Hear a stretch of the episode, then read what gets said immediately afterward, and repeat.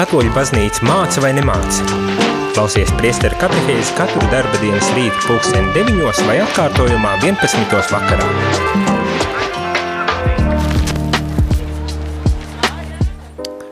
Labrīt, labrīt, rādījumā arī klausītāji šeit es, priesteris Jānis Meļņakovs un kārtējā rīta katehēzi, priesteru katehēzi.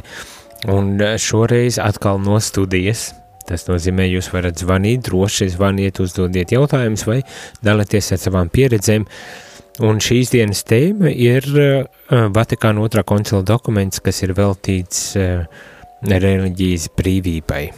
Jā, mēs joprojām esam pie tā paša dokumenta un runājam par šīm tēmām, kas ir tik ļoti aktuālas un varbūt tās pat mūsdienās atkal ir aktualizējušās Un, un tādēļ ir vērts arī pārlasīt, pārdomāt, un, un, un varbūt tās arī meklēt atbildes gan uz saviem jautājumiem, gan varbūt tās arī meklēt veidus, kā tad mēs varam šo reliģiju brīvību arī īstenot uh, mūsu pašu uh, dzīvēm. Tā kā jau es saku, ja gadījumā jūs vēlaties iesaistīties šajā sarunā, uzdodot jautājumus vai padaloties, un varbūt tās arī mm, piedāvājot kādus no saviem dzīves piemēriem attiecībā uz šo problemātiku, tad to tu vari darīt kā parasti uz rakstot īziņas uz telefonu 266 77 272 vai zvanīt 679 69 131.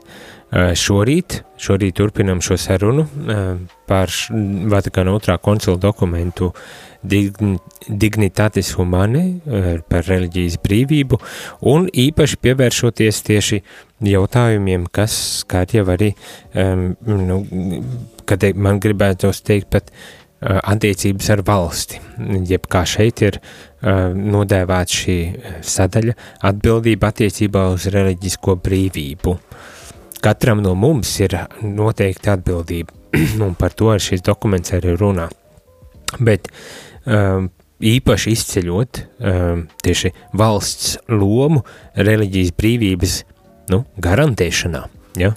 Tāda lieta. Un tad um, domāju, ka paspēsim arī uzsākt vismaz, vai arī um, parisināsim, pārlasīsim šo tēmu, kas ir uh, reliģijas brīvības robežas arī tādas ir. Jā, es domāju, tas varētu būt pārsteigums visiem, bet no otras puses, kā jau es arī vakar teicu, kad um, visam ir savas robežas, uh, un, un tām ir labi, ka tādas ir, jo pretējā gadījumā, protams, visatļautība ne, nav, nav par labu uh, tīri cilvēcīgai tādai attīstībai un izaugsmai. Un, un tas attiecas uz ikvienu dzīves jomu. Ir labi, ka ir noteikts robežas, ir labi, ka varbūt tās arī tās robežas tiek izaicinātas laiku pa laikam, lai, lai mums būtu, kā teikt, iespēja uh, attīstīties, pilnveidoties, augt, nobriest, ne, gan kā personībām, gan, gan arī kā sabiedrībām, bet vienlaikus nepazaudējot tomēr uh, robežu. Tas, tās, manuprāt, ir ļoti būtiskas uh, tādai pilnvērtīgai uh, dzīvei, dzīvošanai, izdzīvošanai. Hmm? Nu jā, bet tagad lasīsim šo dokumentu bez liekas vilcināšanās un pārdomās, un vēlreiz atgādinu, ja ir kādi jautājumi vai savas pārdomas, tad droši rakstiet īziņas vai zvanat, un mēģināsim tad arī uh, risināt šīs, šīs, šos jautājumus, vai varbūt tās kādas uh, piemēras un stāsts no jūsu pašu dzīves par to, kādā veidā, kāda tad ir šī atbildība, kuru varbūt tās jūs personīgi uzņematies, vai ku, kuru jūs saskatāt kā atbildību, kur jūs saskatāt šo atbildību, kas ir svarīgākais, lai šo reliģijas brīvību tiešām var, varētu garantēt. nu tā, lasu no dokumenta, sestā punkta. Tā kā sabiedrības kopējais labums – Kopējais labums saprosts kā tādu sabiedriskās dzīves apstākļu kopums, kuros cilvēki var pilnīgāk un vieglāk sasniegt savu pilnību, galvenokārt nozīmē cilvēku pie, personas pienākumu un tiesību ievērošanu, tad par tiesībām uz reliģisko brīvību ir jāgādā gan pilsoņiem, gan sabiedrības grupām un valsts varas orgāniem, gan arī baznīcai un citām reliģiskām kopienām atbilstoši saviem pienākumiem attiecībā uz kopējo labumu. Tātad sabiedrības kopējais labums ietver, pamatu pamatos ietver cilvēka pienākumus un tiesību, tiesības un to ievērošanu. Tad kopējais labums ietver, kā šeit um, tas tiek arī, um, ka tiek definēts cilvēka personas pienākumu un tiesību ievērošanu. Un tad par šīm tiesībām un pienākumiem Ar tā skaitā reliģisko brīvību, kā vienām, vienu no tiesībām, ir jāgādā uh, visos slāņos. Gan cilvēkam individuāli jārūpējas par to, lai tiešām šī, um, šis kopējais labums arī uz reliģijas brīvību tiktu ievēr, ievērots, tad individuāli, tad tas mana pārliecība, mana, mana ticība, mana uh, reliģiskā prakse, viņa nevar būt apspiedoša, teiksim tā. Nevar būt tā, ka kas, kas bieži vien ir, ir tāds klupšanas akmens, starp citu, ne tikai no kristiešu puses, bet no, man laikam jādomā ir no visu reliģiju puses, ne, par to, ka mana pārliecība, mana izpratne par lietām, mana ticība, jeb patiesība, ne, kad tā nevar būt vardarbīga. Nu, tādā ziņā, ka es nevaru ar savu ticību un patiesību tagad mēģināt uzspiest kaut ko otram cilvēkam, kurš iespējams mm, dzīvo, domā un rīkojas pavisam citādāk no manis.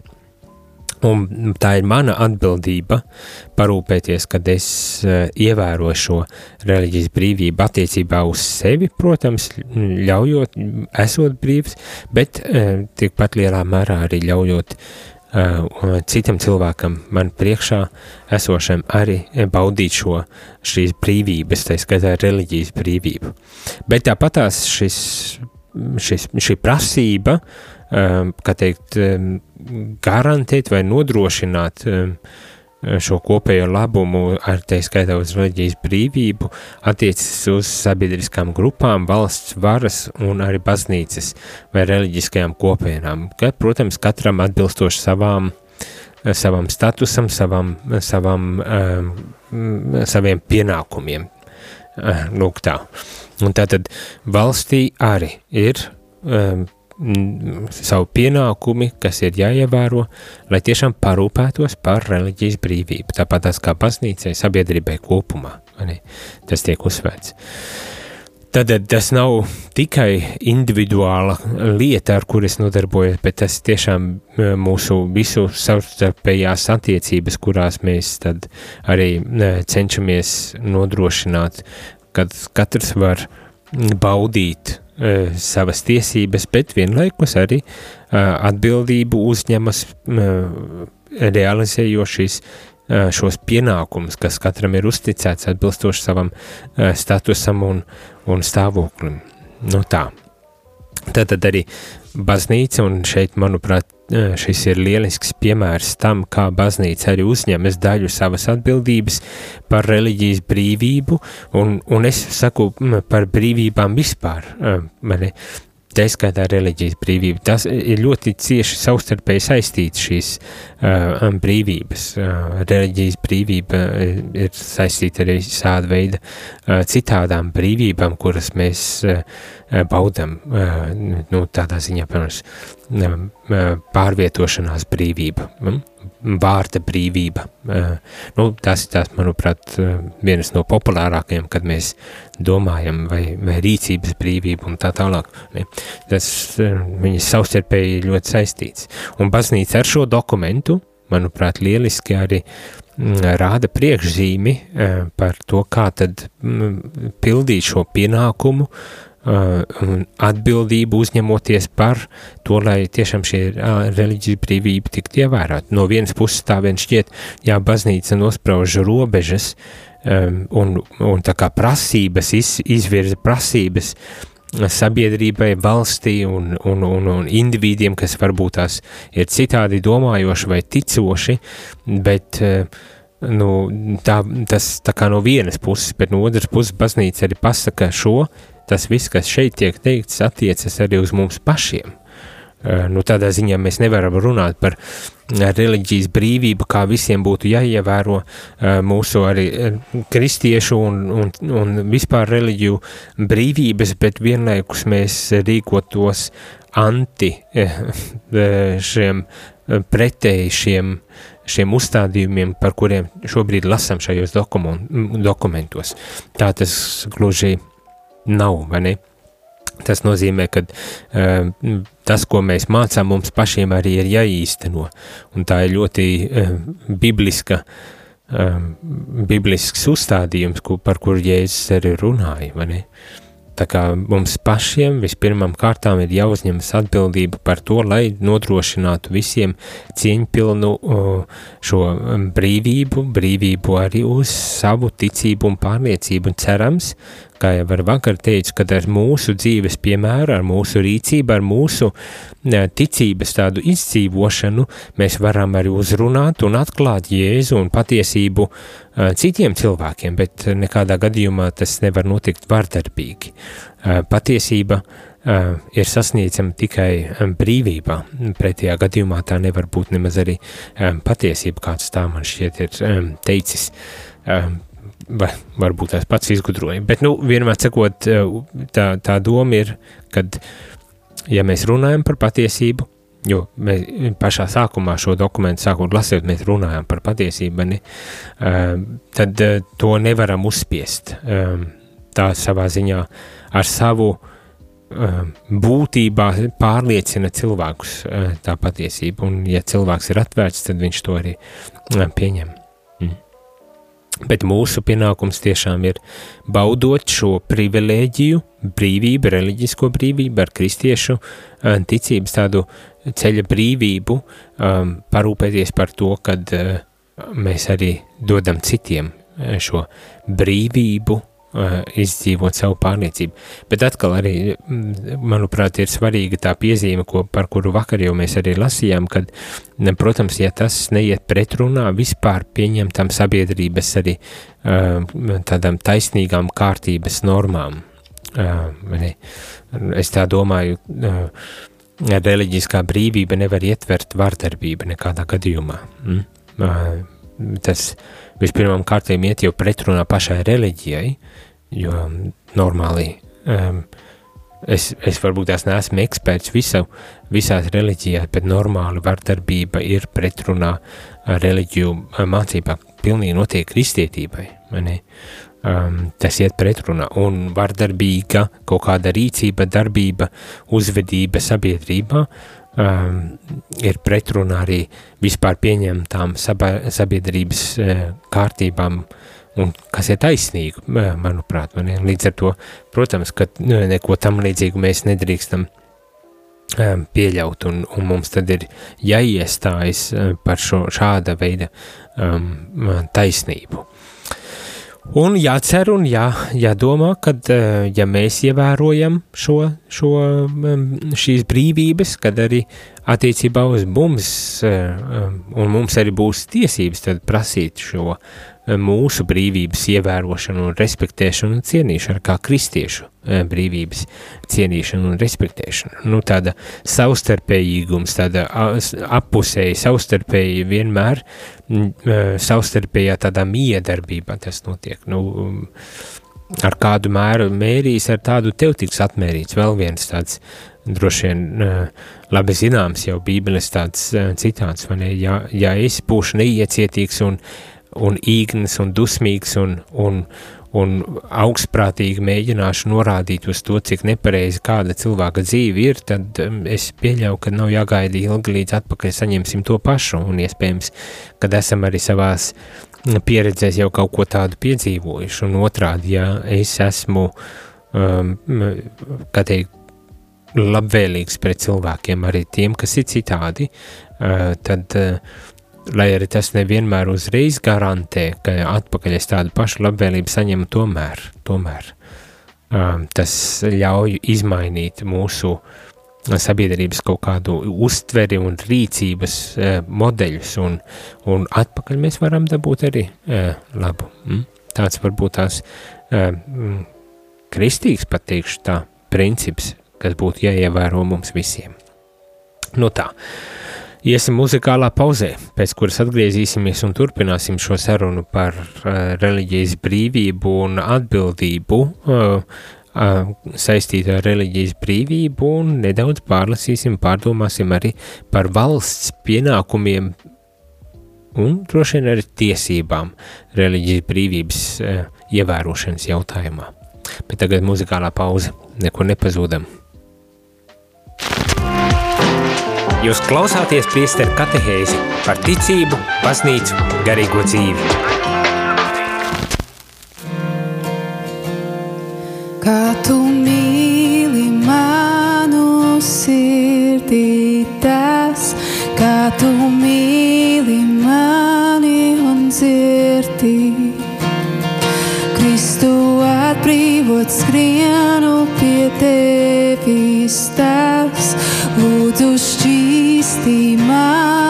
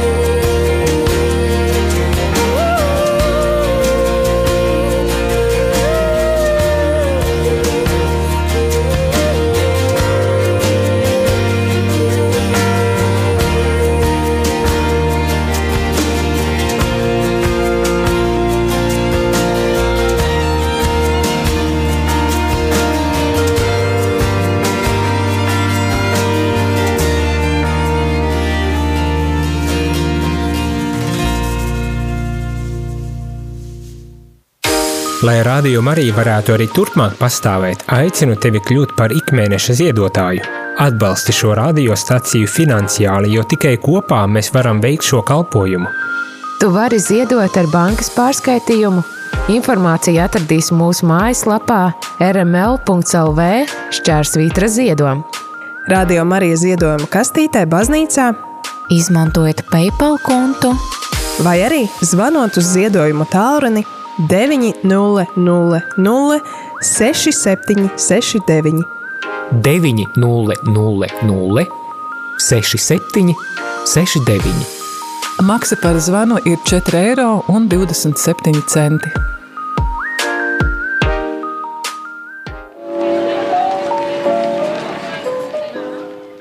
Labrīt, labrīt, rādījumā arī klausītāji šeit es, priesteris Jānis Meļakovs, un šajā rīta katehēzē mēs turpinām sarunu par reliģijas brīvību, un jau pārunājām īsi eh, lasot šo, šo Vatikāna otrā koncila dokumentu par to, ka mums katram atbilstoši savām, savam statusam ir arī jā, jāuzņemas atbildība par reliģijas brīvību, lai mēs to tiešām varētu arī garantēt. Turklāt reliģijas brīvība ir arī kopējā labuma uh, lieta, un tādēļ mums ikvienam par to ir arī jāparūpējas un jācenšas uh, darīt visu, lai to arī īstenotu.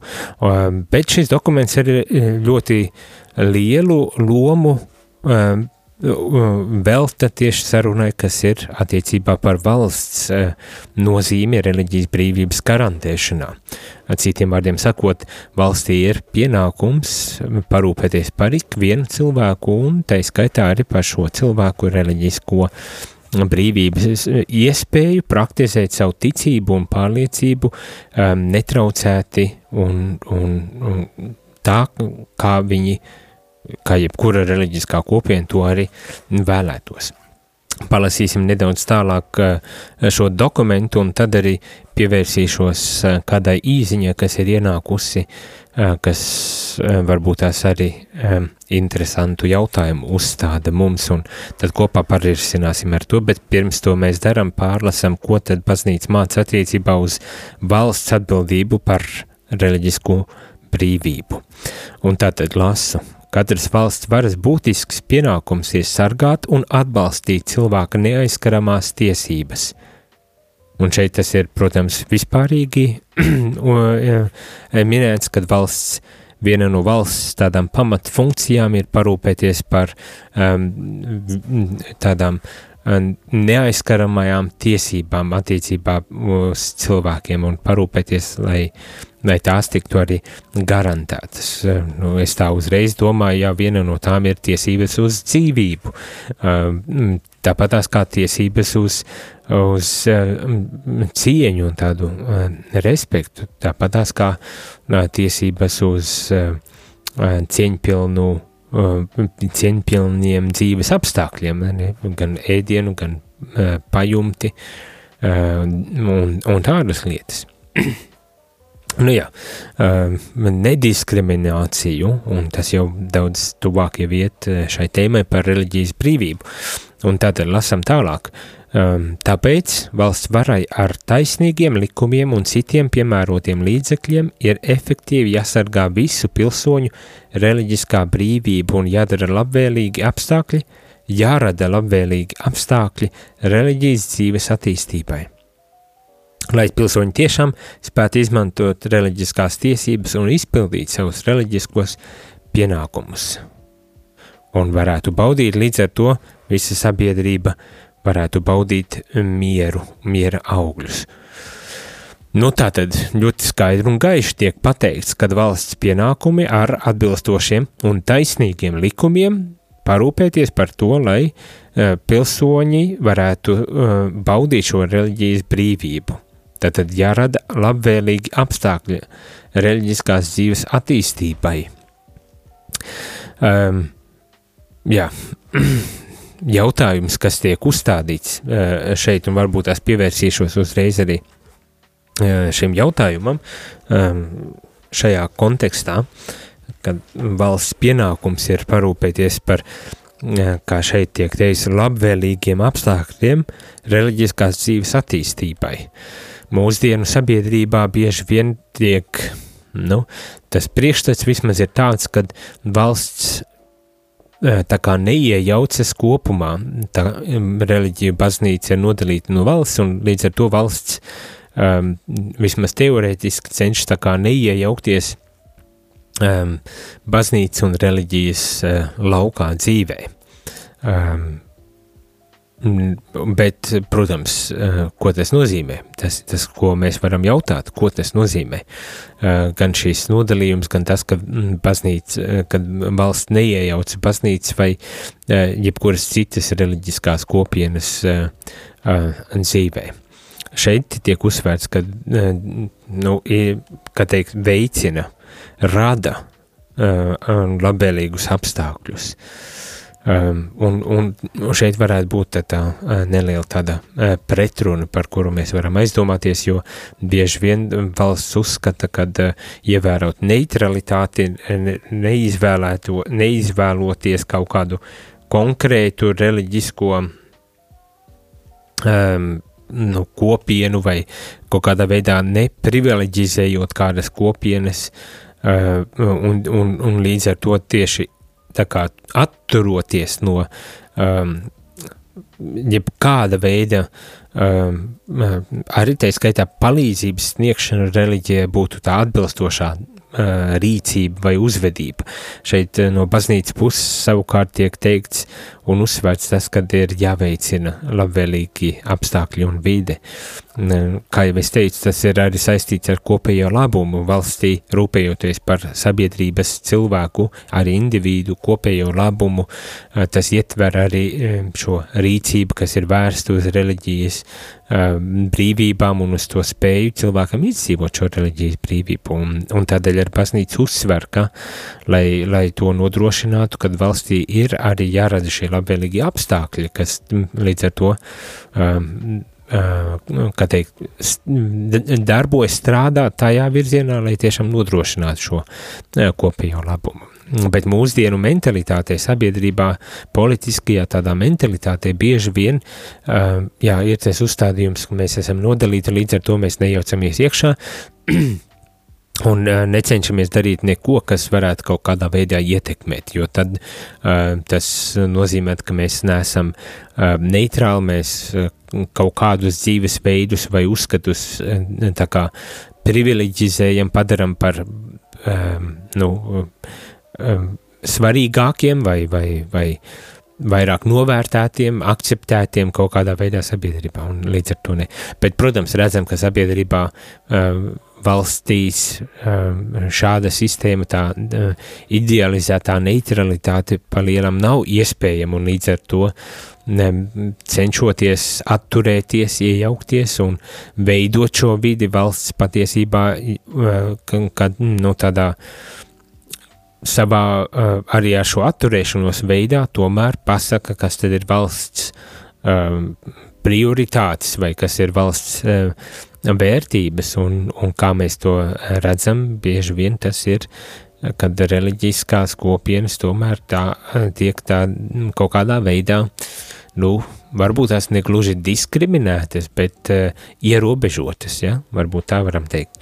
Bet, nu, tā solīja, kad es nolasīšu jautājumu, un jautājums ir sekoši. Dzirdēju, ka Latvijā augsti stāvošās personas ierosina nomainīt Latvijas himnu Dievs svētī Latviju uz citu tekstu. Vai tas nav pirmais solis ceļā uz valsts pilnīgu sekularizāciju un beigās arī uz reliģiskās brīvības ierobežošanas sākumu? Jā, nu, es personīgi neesmu dzirdējis, ka tāda ideja būtu. Ir, ir ir bijis kaut kad, bet vai tas ir kaut kas tāds aktuāls šobrīd, to gan es neesmu dzirdējis. Un, protams, kad ir, ir daļa sabiedrības, kas sevi neasociē kā kristiešus vai kopumā reliģisks pilsoņus, un līdz ar to uh, no viņu puses izskan šis viedoklis, kad grib nomainīt, lai nav uh, uh, šāda veida um, himna? Uh, nu jā, eh, atkal tā sekularizācija, vēl, vēl viens vārds, kuru mēs izmantojam, lai aprakstītu ļoti sarežģītu patiesībā fenomenu, sabiedrisko tādu realitāti.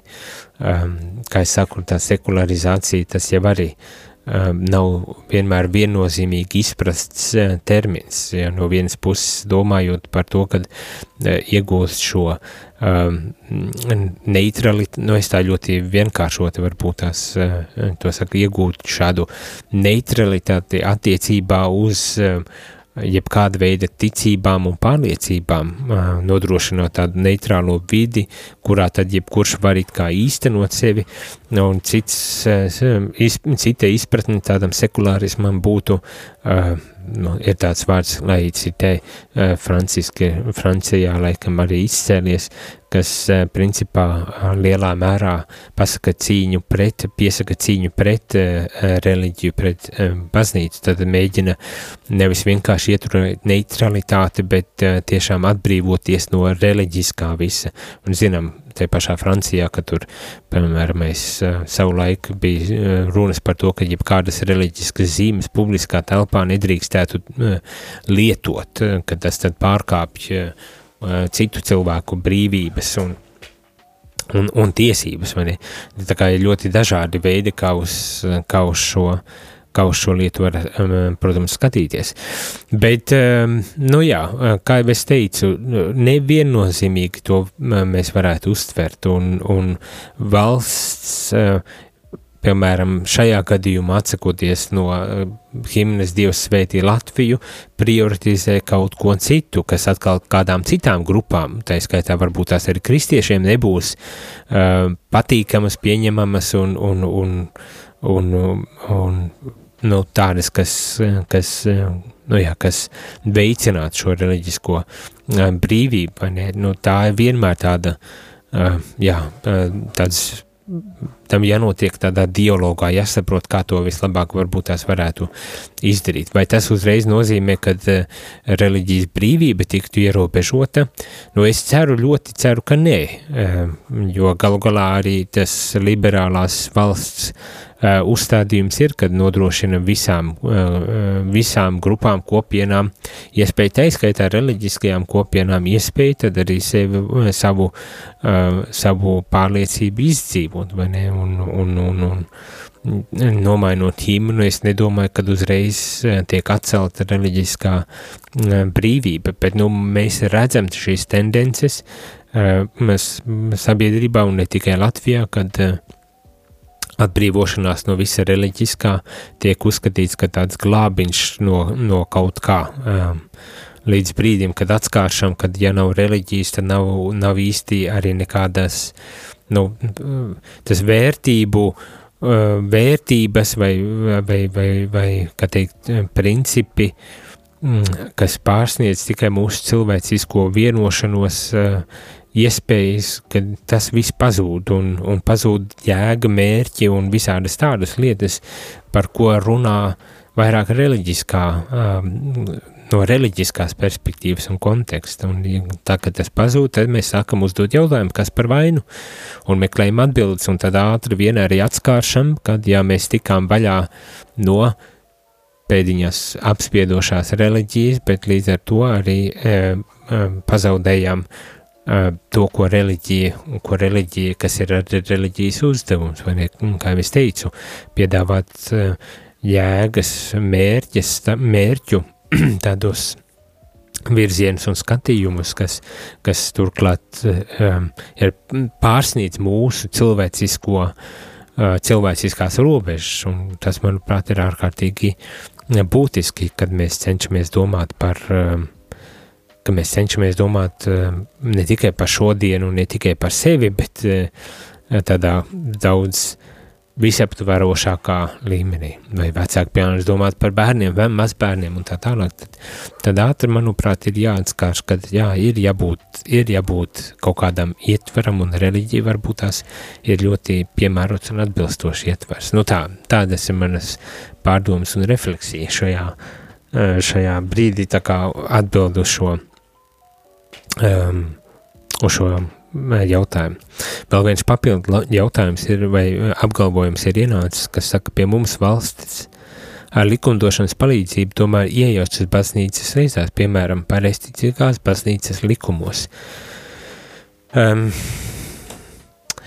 vai, vai um, pareizi ticīgo baznīcas likumos, vai tomēr uh, valsts, uh, kā teikt, nosaka kādas, mm, nu, nu, jā, es, uh, tas ir labs jautājums, vajadzētu kādu ekspertu varbūt tās piesanēt, bet man tā šķiet, ka uh, netik daudz nosaka uh, baznīcas likumdošana šajā gadījumā, uh, bet, uh, bet uh, cenšas tā kā, nu jā, nu savā ziņā tomēr laikam arī iejaucas nedaudz, bet savā ziņā tā kā no, mēģina noteikt to autoritāti, piederīgu autoritāti, nu, kuras eh, vadībā varbūt tās tā baznīca tiek vadīta, ja tas ir par pareizticīgo baznīcas atdalīšanu, juridisku tādu atdalīšanu no Krievijas pareizticīgo patriarchāta, ja. Um, tad uh, garīgi jau tā saikne nav pārauta uzreiz, cik es tā nojaušu no, no, no tām diskusijām, kas bija tajā brīdī, bet, bet tāda juridiskā atkarība to valsts, no valsts puses eh, tomēr eh, tā kā lūdz vai eh, ar likumu nosaka pārtraukt, vai ne? Tā kā, nu jā, bet tie vienmēr ļoti tādi jūtīgi jautājumi arī šī, kon, šī visa kontekstā, kas ir šeit ar, ar karu Ukrainā un, un, un propagandas mērķiem no Krievijas puses un, un tādām manipulatīvām metodēm, kā, kā teikt, iekarot teritorijas, aizvien jaunas teritorijas un, ja ne fiziski, tad ar savas kultūras izplatīšanu, tā skaitā ar baznīcas izmantošanu, savu mērķu sasniegšanu un tā tālāk. Nu, ļoti sarežģīts jautājums tas ir. Tiešām. Jā, Iesim otrajā muzikālajā pauzītē, drusku atvilksim elpu, pārdomāsim, varbūt tās ir vēl kādi jautājumi vai kādas refleksijas arī, piemēram, mēs tie, kas dzird šos jautājumus, kurus nolasīja, varbūt tās arī jums ir kas, ko piebilst šajā jautājumā un vēlaties teikt, droši rakstiet vai zvaniet. Telefons īsiņām 266 77 272, bet zvaniem 679 69 131 pēc muzikālās pauzes būsim atpakaļ un paturpināsim šo tematiku. Jūs klausāties priesteru katehēzi par ticību, baznīcu, garīgo dzīvi.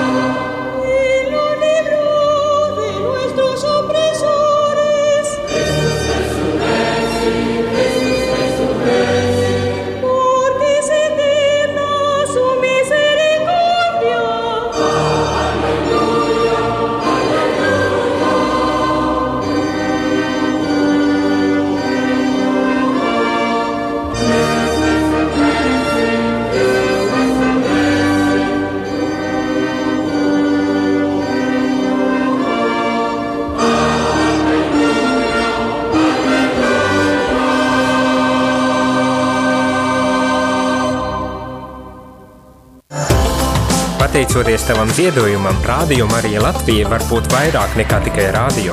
Zvani uz ziedojumu tālruni 900 67 69. Maksa par zvanu 4,27 eiro.